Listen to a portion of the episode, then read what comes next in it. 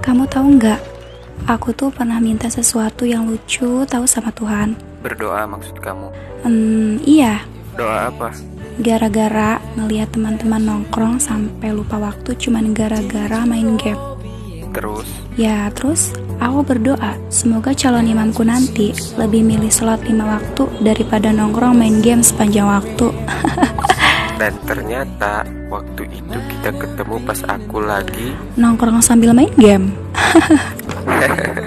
Berarti doa kamu belum dikabulin waktu itu. Kalau sekarang lebih milih aku apa game? Hmm, enggak dua-duanya. Ya, kok gitu? Aku lebih milih sholat lima waktu biar doa kamu terkabul. Amin. Nothing's gonna change my love for you. You ought to know by now.